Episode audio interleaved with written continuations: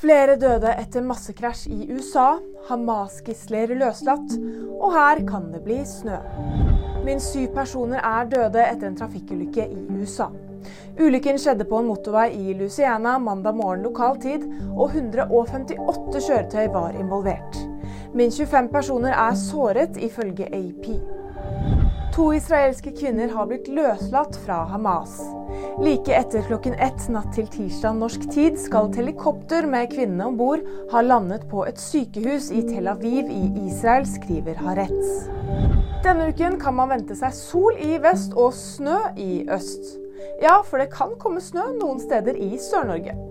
Kaldest får Troms og Finnmark det, med under ti minusgrader, mens det varmeste været blir på Vestlandet, med over ti plussgrader. Og VG-nyheter de fikk du av meg, Fride Rivøli.